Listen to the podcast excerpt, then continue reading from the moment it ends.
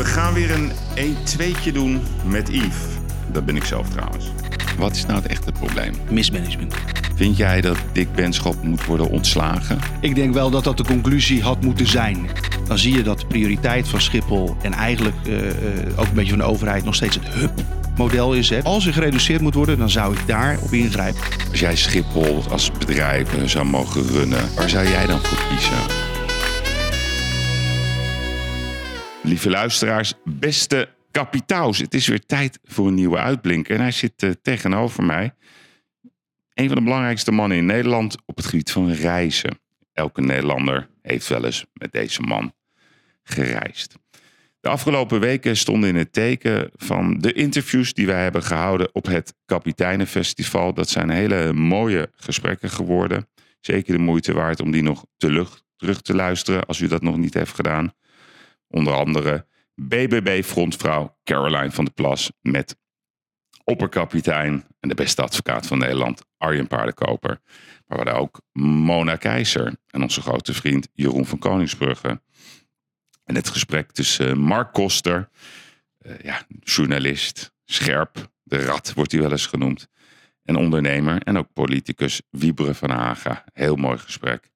En uh, één vandaag opiniepeiler Gijs Rademaker die ging uh, in gesprek en in debat met Kwebbelkop. Een van de belangrijkste YouTubers van Nederland. Ook bekend onder de naam Jordi van de Bussen. Maar vandaag, hij zit tegenover mij. Arjen Kers. Hij leidt een van de allergrootste reisorganisaties van de wereld. In ieder geval de grootste van Nederland. Uh, TUI is het. 1 op de 10 Nederlanders gaat wel eens met TUI op reis. Hoe kijkt Arjen naar de toekomst van de reisbranche? Hoe kijkt Arjen naar Schiphol? En hoe kijkt Arjen überhaupt naar wat er allemaal gebeurt ten aanzien van de klimaatmaatregelen?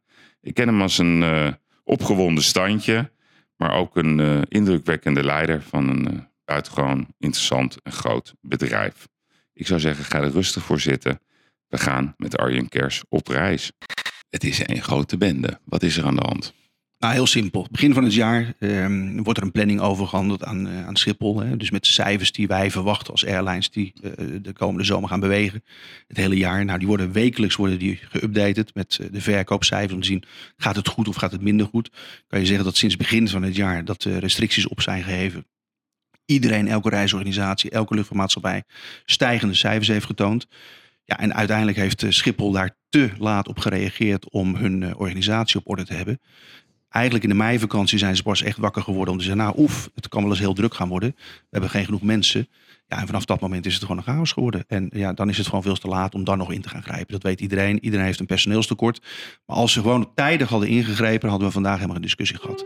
Ja, en wat ik het ergste vind, is dat we nu naar de toekomst gaan kijken. En dan zeggen we, ja, gaan we volgend jaar weer een personeelstekort hebben? Jongens, als je niet in staat bent om voor volgende zomer, 2023, je zaken op orde te hebben, ja, dan, dan is daar voor mij geen goed woord meer over. Dat heb ik nu al niet hoor. Want ik vind echt, er zijn echt reuze fouten gemaakt. Dat weten we ook. We hebben heel veel uh, voorbeelden, maar ook, laten we zeggen, toch wel ideeën aangedragen hoe het beter zou kunnen.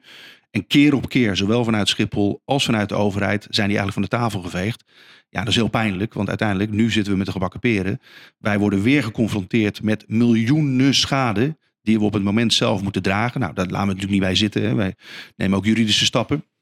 Dat kan jaren duren. Voor mij de prioriteit op dit moment is geweest om al die vakantiegangers die hun zomervakantie wilden genieten, op vakantie te kunnen laten gaan. Dat is, de, dat is het uitgangspunt. Alleen dat is zo'n verschrikkelijk uh, puzzel weer geweest om dat zo goed neer te zetten dat het ook kan. Dat we hebben moeten uitwijken, dat we hebben mensen moeten omboeken. Maar ik wilde mensen niet teleurstellen dat ze niet konden gaan. Dat ja. zou het ergste zijn voor mij. Nee, maar, maar, maar even, ik vind grote vraagstukken zijn over het algemeen uh, eigenlijk heel simpel. Dus we hebben het nu allemaal over Schiphol en, uh, en we zien alleen maar beelden uh, met kilometers lange rijen, mensen die hun vluchten missen, gefrustreerde families die, hun, die, die zeg maar twee jaar lang hadden verheugd om weer met het gezin op vakantie te gaan. Dan komen ze aan en dan, ja, dan missen ze of hun vlucht of ze zitten vol stress. Nou, dat is wat we zien. Maar wat is nou het echte probleem? Ik wil even begrijpen, wat is de reden uh, dat het zo gaat zoals het nu gaat. Dus wat er nu tegenwoordig altijd wordt geroepen als, als iets niet goed gaat, dan zeggen ze oké, okay, uh, inflatie, corona, personeelstekort. Een soort standaard antwoord. Dus een bedrijf eh, gaat failliet of, eh, of, of, iets lukt niet. En dan worden gewoon een paar van die dingen geroepen. Wat is nou het echte probleem?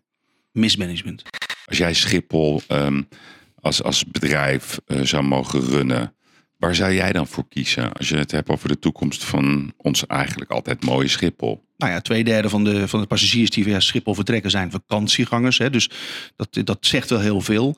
Dan zie je dat de prioriteit van Schiphol en eigenlijk uh, ook een beetje van de overheid nog steeds het hub model is. Hè? Dus dat betekent dat iemand uit uh, Azië naar Amsterdam vliegt, uh, twee uur overstaptijd heeft en doorvliegt naar Amerika.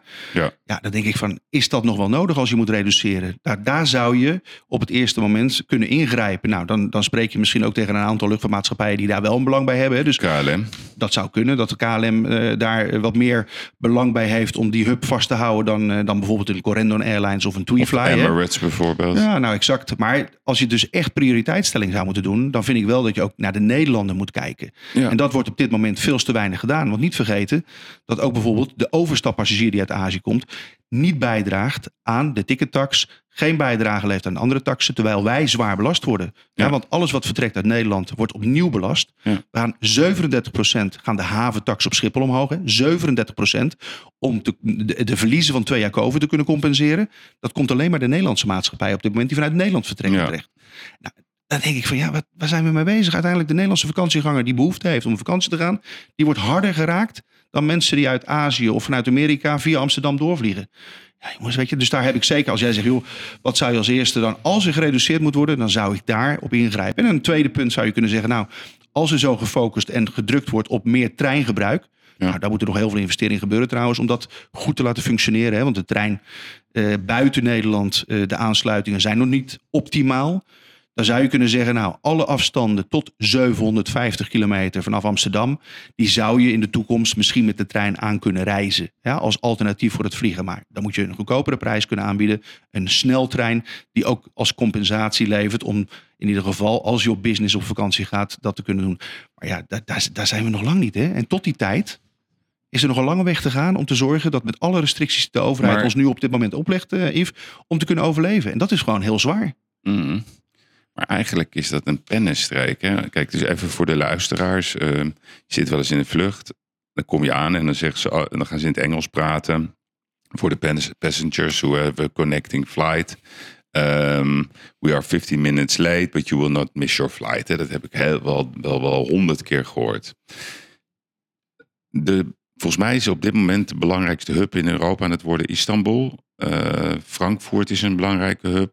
Is Londen het nog steeds? Nog steeds, Amsterdam. Parijs ook, ook ja. Maar waarom, wie, wie schaden wij? Wie leidt schade als, als je zou zeggen, oké, we gaan mee met die, met, die, met die reductie van het aantal vliegbewegingen. Dus we gaan naar die 440 of we gaan zelfs naar 400.000. Maar Schiphol wordt niet, belang, niet langer meer een belangrijke hub. En dat betekent dus dat je niet even kan tanken op Schiphol, want dat is eigenlijk het verhaal. Wie, wie leiden hier schade door? Welke partijen zijn dat? KLM? Schiphol zelf. Schiphol zelf. Schiphol, 95% overheid. Hè, dus... Ja, maar dit, uh, grappig. Ik hoopte dat je dit zou zeggen. Het geeft ook de onwaarschijnlijke schijnheiligheid aan van die, van die overheid.